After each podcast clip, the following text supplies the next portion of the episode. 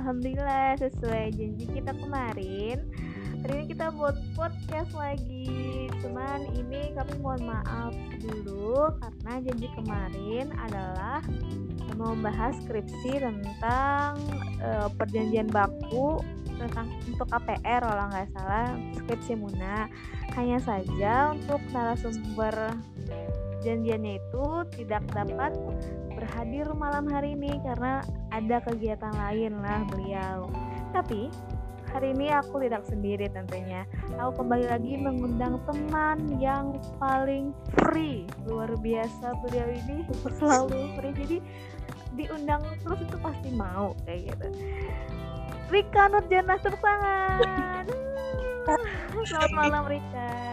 Ya, yeah, selamat malam gimana kabarnya diundang ya iya alhamdulillah ya kan iya. Ya? Iya alhamdulillah. Alhamdulillah gimana kabarnya? Um alhamdulillah. Baik. Alhamdulillah. alhamdulillah masih free aja? Um tidak usah saya sebutkan lah. Tidak usah saya perjelas. Oke okay. oh ini kita mau bahas apa nih? Kan kemarin rencananya kita bahas skripsi Muna ya kan? Iya. Yeah. kali ini kita mau bahas apa nih? Uh, hari ini kita membahas tentang anak luar kawin ya? Sangat ini ya sangat natural sekali. Seperti seperti pernah di briefing gitu loh okay. ya ampun. Padahal ini kita spontan ya. Natural sekali. Natural sekali dasar kita emang luar biasa. Nah, kita yeah. membahas masalah anak luar. Sebenarnya bukan anak luar kawin juga sih. Pokoknya masalah yeah. anak ya kan? Karena kenapa sih? kita juga hmm? kenapa sih kita malam ini membahas tentang ini natural sekali ada bertanya oke okay, kemarin aku ada share di IG story masalah uh. uh, sebenarnya awalnya permasalahan tentang ini loh masalah tentang skripsi Muna yeah. cuman ada adik tercinta nih ya kan mm. ada yang sayang sayang ini per, mau bertanya cuman bukan pertanyaan masalah yang perjanjian baku itu oh. ada pertanyaan lain mungkin masalah tentang anak tadi. Hmm. Nah itu yang karena kita muna uh, satu ya kan tidak dapat berha tidak dapat berhadir. Alhamdulillah kita punya cadangan lain seperti itu. Gitu ya. Rika tahu kita selain bahas anak luar kawin kita bahas apa? Uh, di briefingnya tadi sih kita membahas tentang perwalian juga kan anda terlalu jujur. Jangan bilang kita di brief. Nah, Oke, okay. sebelum itu nih kayak katanya Rika punya sesuatu yang perlu disampaikan nih katanya. Ya kan tadi sebelum Oh. Loh katanya Anda yang mau menyampaikan. Oh. Katanya Anda yang siap sekali kan?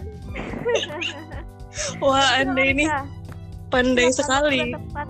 Persilahkan. Silahkan. gitu ya jadi apa ya uh, mungkin lebih memperjelas aja ya kan tujuan untuk kita buat podcast ini apa gitu loh. Kan pasti banyak juga teman-teman yang uh, bingung gitu ngapain sih si Ilai dan teman-temannya ini bikin post podcast kayak ini? Apa tujuannya? Gitu kan pasti. Iya. Iya, jadi tujuan kita bikin podcast ini adalah berdasarkan apa? host apa? Berda berdasarkan pertanyaan dari teman-teman juga ya kan? Yang kemarin contohnya masalah skripsi. Banyak tuh teman-teman yang uh, tanya masalah skripsi kita uh, apa? Bagaimana sih skripsi online itu? Habis itu mengenai syarat-syaratnya juga. Dan sama juga saat ini banyak adik-adik itu yang tanya tentang uh, kita masalah pelajaran mereka gitu. Dan nggak ada salahnya buat kita uh, nuangin ini di podcast supaya yang lain itu juga sama-sama tahu gitu kan. Mm -mm. tapi yang lebih penting ya kita ini uh, tujuan podcast ini kan untuk saling sharing gitu. Kalau misalnya ada yang salah dari kita tuh ya harap diluruskan seperti itu kan. Ya. Ya. Jadi tidak ada yang benar, tidak ada yang salah kan. Yang penting saling belajar aja dan saling uh, mengingatkan. Mantap sekali luar biasa kajian hukum ini. Ayo Anda silakan mau menambahkan. yang pen yang penting ini kan bermanfaat ya kan. Nah. Kita sama belajar. Kalau salah ya hina aja nggak apa-apa. Astagfirullahaladzim. Enggak bercanda. Janganlah. Enggak lah, enggak lah, jangan hina ya. Ya IG-nya apa IG-nya Rika Nurjana apa? Aduh, jangan gitu dong. ya ya. oke. IG sama. Kalau mau Jadi kalau mau nyerang Rika silahkan Ya ampun, jangan dong. Enggak. Nanti saya banyak fansnya. Oke, em, oke ya, oke. Kita lanjut aja. Kita Iya, lanjut ke mulai pemba- nih? Langsung mulai. Iya, suara Anda mungkin eh dinaikkan. Lah, apakah langsung mulai? Iya, boleh. Gimana? Apakah sudah pas nih suaraku? Iya. Iya, oke. Oke, pertama kita bahas apa ini? Pertanyaan pertama, pertanyaan pertama bisa bacakan dulu nih. Iya, bisa bisa. Apa tuh Langsung pertanyaannya? pertanyaannya aja, langsung pertanyaannya aja. Eh, mu- ya terserah hostnya. Gimana dong? Ya kan ada pertanyaannya di situ, ya kan? Iya. Ya itu. Maksudnya di dibacakan gitu loh. Iya pertanyaan itu loh, yang nomor satu soal itu. Iya. Bisa bacakan dulu nggak? Oh, aku nih yang bacakan. Terus Waduh, aku. kamu Udah, aja. Pertanyaannya aja. Langsung pertanyaannya aja. Intinya pertanyaannya apa? Aduh, lupa-lupa inget lagi. Aduh, ya nih briefingnya gagal sebenarnya. Oke, ini membahas masalah putusan Mahkamah Iya. Konstitusi Mhm. nomor 46 garing PUU strip 8 garing 2010 tertanggal 17 Februari tahun 2012 yang menegaskan putusan pengujian terhadap pasal 43 ayat 1 Undang-Undang Nomor 1 Tahun 1974 tentang perkawinan. Yang mana nih pada awalnya anak luar kawin yang disebutkan dalam pasal 43 Undang-Undang perkawinan tersebut mengatakan bahwa anak luar kawin itu hanya memiliki hubungan keperdataan dengan ibu dan keluarganya, keluarga ibu, keluarga dari ibu. Tidak ada hubungan keperdataan dengan sang ayah gitu. Tapi karena putusan ini menegaskan bahwa sang ayah juga dapat mempunyai hubungan perdata dengan anak tersebut. Sepanjang dapat dibuktikan berdasarkan ilmu pengetahuan dan teknologi dan atau alat bukti menurut hukum yang mempunyai hubungan darah yang membuktikan bahwa mereka itu mempunyai hubungan darah. Seperti itu. Mungkin sedikit pengertian anak luar kawin. Anak luar kawin itu menurut pasal 43 ayat 1 anak yang dilahirkan di luar perkawinan yang hanya mempunyai hubungan perdata dengan ibunya dan keluarga ibunya. Seperti itu. Mungkin sedikit juga kilas balik putusan ini. terjadi itu dari penyanyi Macica Mohtar. Ingat Rika? Iya, oke. Nyanyi dangdut Iya. itu ya?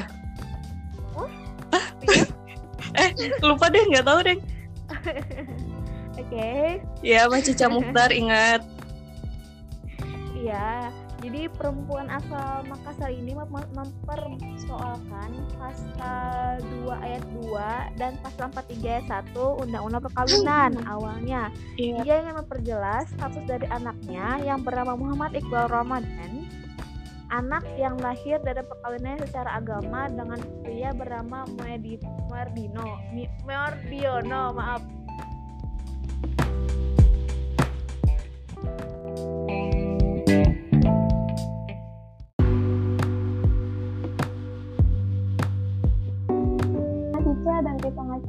Selama satu setengah tahun di Mahkamah Konstitusi membuahkan hasil nih.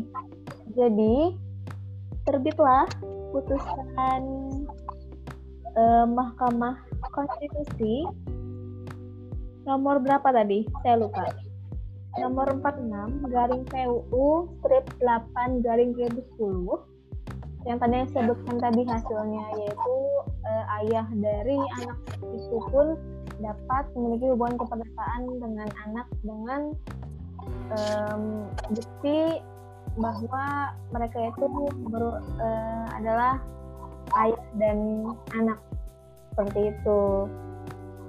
Mungkin Rika ada tambahan? Jadi yang dipermasalahkannya ini mengenai uh, kedudukan dia sebagai anak di luar kawin gitu ya apakah iya. bisa sepadan dengan anak sah gitu kan iya benar karena kan kalau kita tahu sendiri uh, misalkan tidak ada hubungan keperdataan dengan ayah ayah ini dapat hmm. mangkir istilahnya tidak bertanggung jawab oh itu bukan anakku jadi aku tidak ada istilahnya membuat iya, betul, betul. waris buat dia juga nggak ada seperti itu dan menurut Mahkamah Konstitusi pun putusan ini um, dapat uh, memberikan perlindungan dan kepastian hukum terhadap seorang anak yang dilahirkan dan hak-hak yang ada padanya seperti itu. Baik. Baik. Jadi uh, kita luruskan dulu nih mungkin ada yang uh, belum bisa membedakan ya antara anak luar kawin, anak angkat, anak sah dan anak zina. Ini kan berhubungan dengan itu kan. Iya. Jadi mungkin mungkin ini diperjelas dulu ya. Jadi uh, dalam undang-undang perkawinan itu ada lima jenis anak. Namanya itu anak sah anak angkat anak luar kawin anak sumbang dan anak zina dan anak asuh. Nah yang kita bahas sekarang ini kan anak luar kawin gitu kan. Iya. Seperti yang tadi sudah dijelaskan anak luar kawin itu kan anak yang uh, anak yang dilahirkan bukan dari sebuah perkawinan yang sah. Anak luar kawin dapat dibedakan menjadi dua, yaitu anak luar kawin yang diakui dan tidak diakui, seperti itu kan. Kalau dalam kasus yang kita ini, berarti anak ini uh, apakah sudah diakui atau enggak nih sama bapaknya? Maksudnya? Anak luar kawin ini bapaknya sendiri tadi mengakui tidak anak ini kalau untuk kasus yang masih Muhtar ini tidak mengakui kalau tidak salah. Tidak mengakui ya? Kalau, kalau tidak salah ya, aku lupa juga.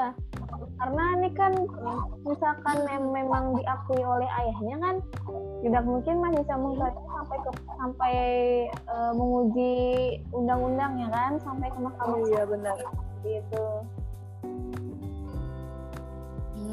Tapi kan kalau dalam undang-undang kan yang dapat dikatakan yang dapat apa yang dapat dikata yang dapat memiliki uh, hubungan dengan ayahnya itu kan adalah anak yang di luar kawin. Ini perlu dicatat ya bahwa anak yang dilahirkan karena perzinahan atau penodaan darah ini tidak boleh diakui.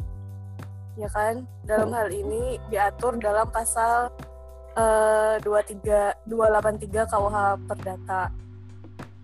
Ya, jadi ya. berdasarkan putusan MK tersebut, si anak ini bisa di uh, akui atau bisa memiliki hubungan dengan si ayah biologisnya tadi.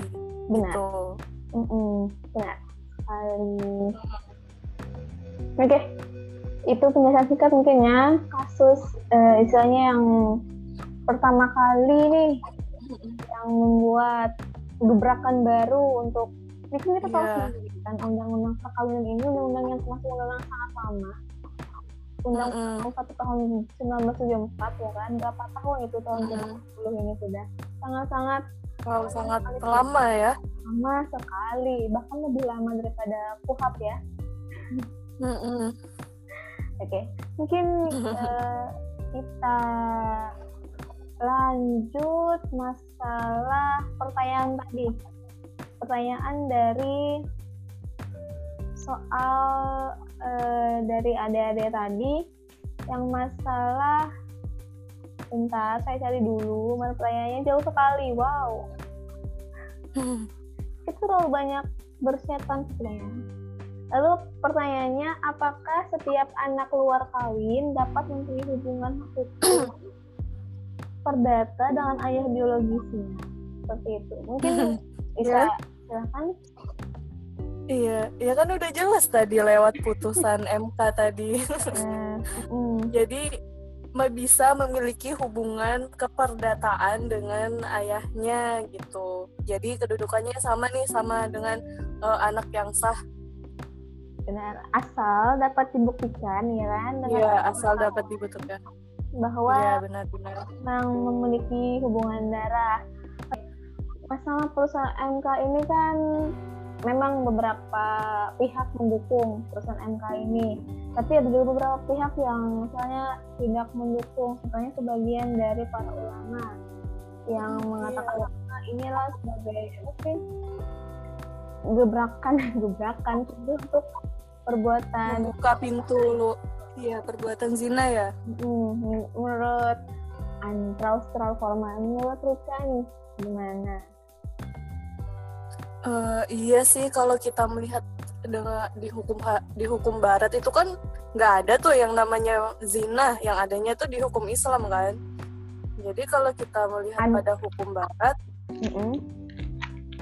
ya putusan tersebut ya sah-sah saja. Toh itu juga untuk kebaikan si anaknya juga untuk uh, adanya suatu keadilan gitu sih tujuan diubahnya pasal tersebut tuh kan salah satunya itu untuk uh, menyamaratakan haknya dengan si anak saya tadi supaya uh, dapat diakui pula oleh si ayahnya gitu kan.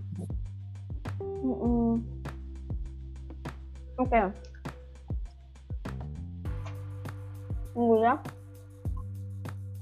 Iya memang sih kalau misalnya kita melihat kalau di hukum Islam kan ada yang namanya zina kan. Itu sama aja kayak kita tuh kayak membuka uh, peluang buat eh, orang-orang yang lain itu untuk melakukan perbuatan yang sama. Misalnya kayak kita nikah siri aja dulu tapi kita uh, udah hamil gimana tuh ceritanya? Jadi kan kita uh, kayak orang-orang tuh berpikiran ya nikah siri aja dulu nggak apa-apa. Nanti uh, untuk menghindari zina juga gitu.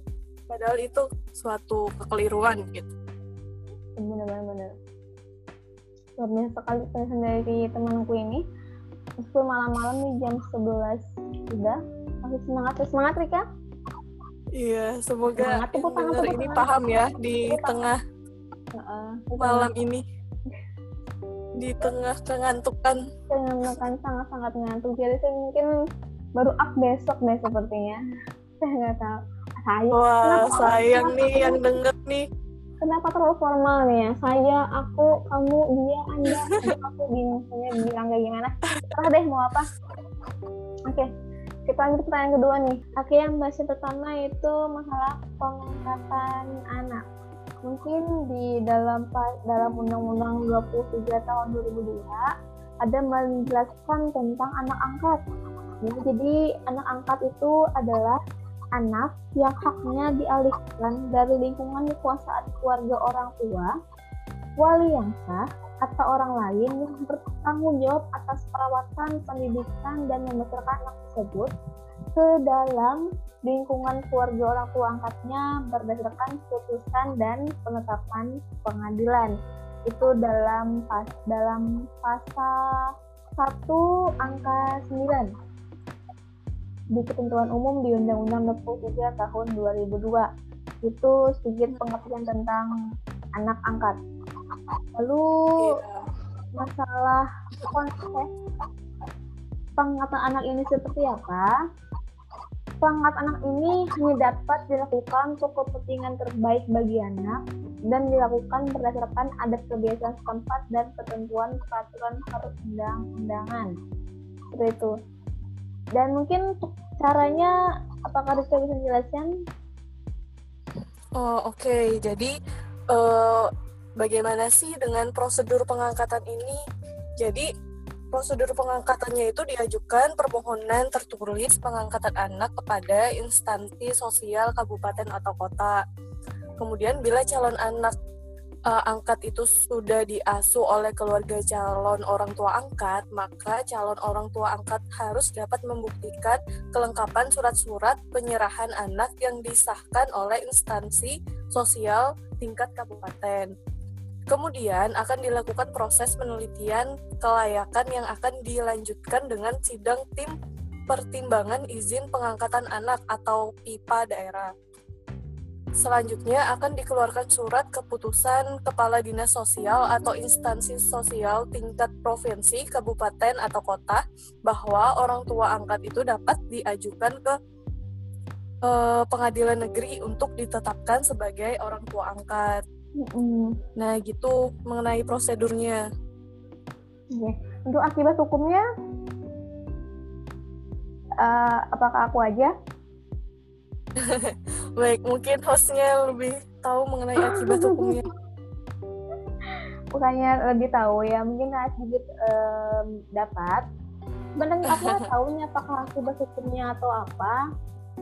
Iya. Cuman kalau untuk pengangkatan anak sendiri itu tidak memutus hubungan darah antara anak yang diangkat dan dari orang tua kandungnya. Dan apabila mengangkat anak wajib dicatatkan dalam akta kelahiran tapi tidak menghilangkan identitas awal anak. Aku sih itu nggak tahu nih apakah akibat hukumnya atau bukan, cuman ya untuk informasi lah seperti itu. Itu menurut undang-undang tahun Undang-Undang 35 tahun 2014 tentang perlindungan anak. Perlindungan anak sendiri itu kan ada tiga undang-undang gitu. Jadi harus menjadi ketiganya biar tahu gitu. Mungkin kita mau lanjut ke apa ini?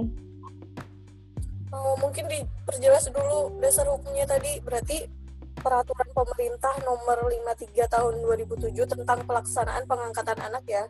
Itu Dasar pelaksanaan eh pelaksanaan. Tentang pelaksanaannya Terus kalau pengertiannya tadi? di dalam pasal undang di dalam Undang-Undang 23 tahun 2002. Lalu untuk konsep hukumnya itu dalam Undang-Undang 35 tahun 2014 tentang perubahan atas Undang-Undang nomor 23 tahun 2002 tentang perlindungan anak. Panjangan. Oke mantap. Semoga yang mendengar bisa paham dapat aduh, info ya dari kita ya. Aku aja yang yang berbicara kayak nggak paham deh. Dan ini karena mulai-mulai mengantuk mulai ngantuk aku. Kita mau bahas semoga bisa dicerna lah. Ya amin. So yang kedua apa ini Nah, kita bahas tentang eh yang ketiga ya? Kedua baru. Baru yang kedua. kedua. Nih ya. Waktu terasa sangat panjang ya? Sangat sangat wow. Wow. Wow. Mau bahas yang mana dulu nih? Pengasuhan anak pengakuan anak pengasuhan anak atau perwalian anak? Eh, mungkin langsung ke perwalian aja ya untuk perwalian menyingkat waktu. anak. Mm-mm.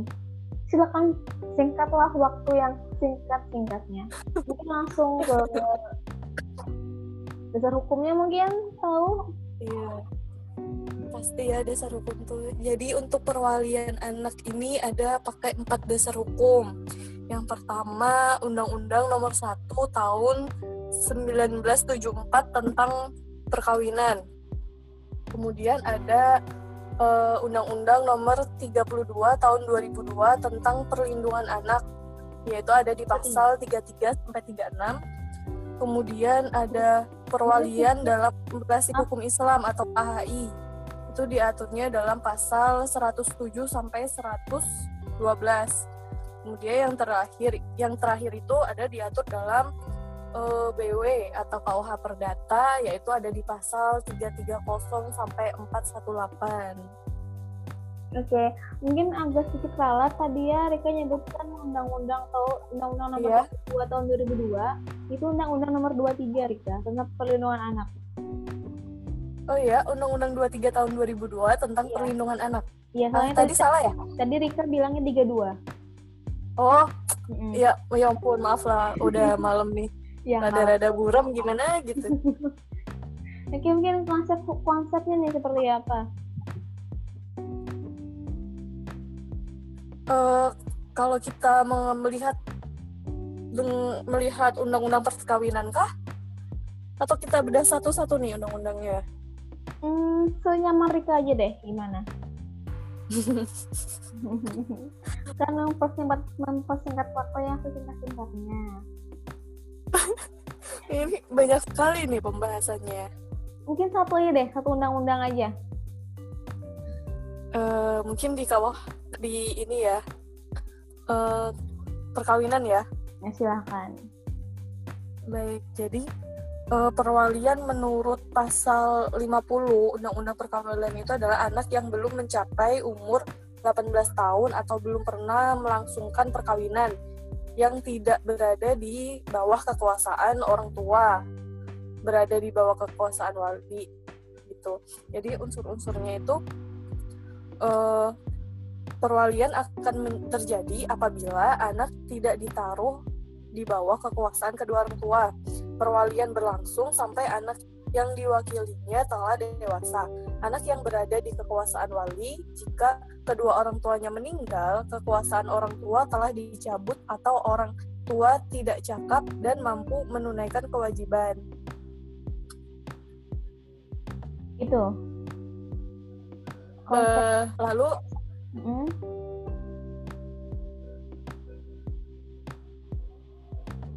Halo? Kenapa? Oh, oke. Okay. Maaf, maaf, maaf. Aku kira ini jaringannya. Kira. Jadi wali itu sebisa-bisanya diambil dari keluarga anak tersebut atau orang lain yang sudah dewasa atau orang lain yang uh, berpikiran sehat, jujur, dan berkelakuan baik. Kemudian wali itu wajib mengurus anak yang di bawah penguasaannya dan harta bendanya sebaik-baiknya dengan menghormati agama dan kepercayaan anak. Ya, banyak sih kewajiban-kewajiban wali yang diatur dalam undang-undang perkawinan ini. Itu, ini cara itu ya cara-cara mengajukan. Hmm, cara mengajukan perwalian. Kalau cara-cara mm -mm, itu caranya bisa secara tertulis dengan surat wasiat, kemudian secara lisan di hadapan dua orang, secara tertulis dengan menunjukkan hakim atau pengadilan dalam hal kekuasaan wali dicabut. Nah, kalau persyaratan untuk jadi wali ini tentunya yang sudah dewasa, berpikiran sehat, adil, jujur, dan berkelakuan baik. Berkelakuan baik. Ya, itu. Mm -hmm. Selanjutnya, uh, akibat hukumnya. Kenapa?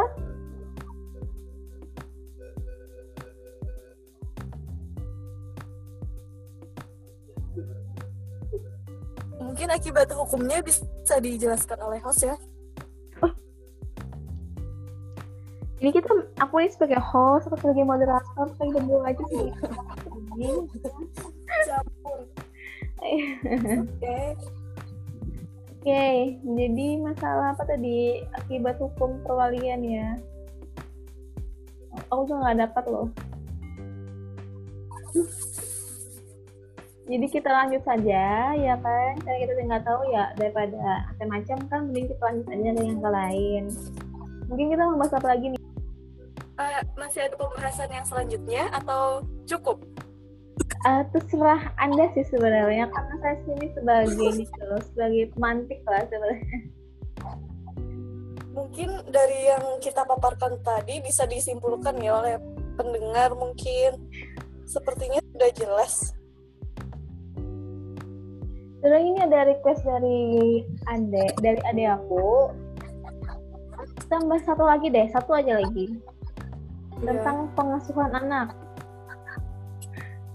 Oke, masalah pengasuhan anak ini, dasar hukumnya itu dalam pasal, maaf, dalam undang-undang 23 tahun 2002 dan 35 tahun 2014 ya tentang pengasuhan.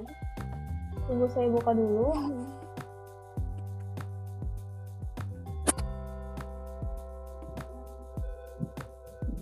Anak asuh adalah anak yang diasuh oleh seseorang atau lembaga untuk diberikan bimbingan, pemeliharaan, perawatan, pendidikan, dan kesehatan karena orang tuanya atau salah satu orang tuanya tidak mampu menjamin tumbuh kembang anak secara wajar.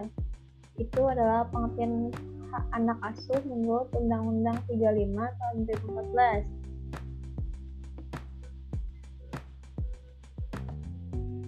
Iya. Untuk konsep hukumnya itu saya dapat dalam pasal 37 dan 38 di uh, Undang-Undang 23 tahun 2002. Sebentar. Hmm.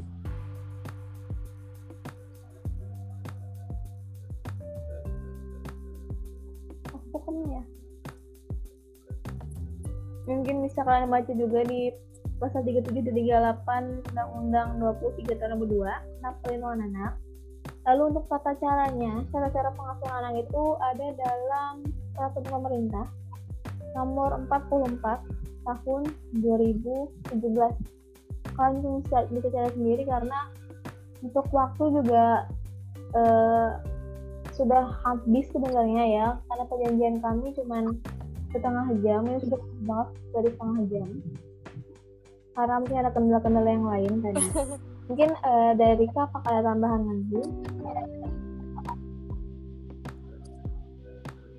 Kalau dari saya mungkin cukup ya. Hmm, sudah ngantuk juga ya, saya juga ngantuk benar-benar. Iya.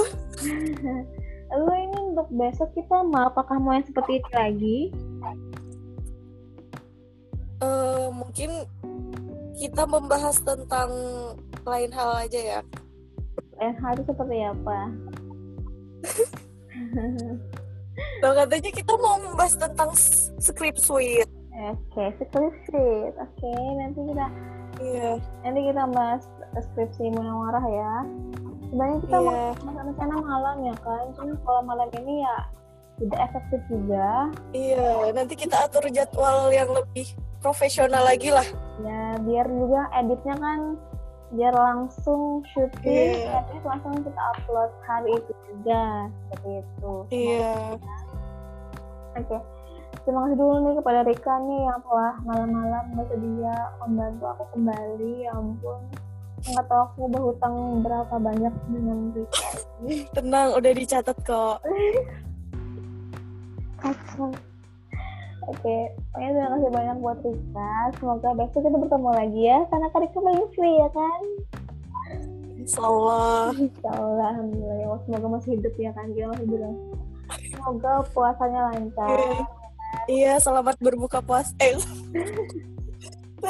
selamat menunaikan ibadah puasa. Yes. Kenapa nggak sekarang selama sahur seperti itu kan luar biasa.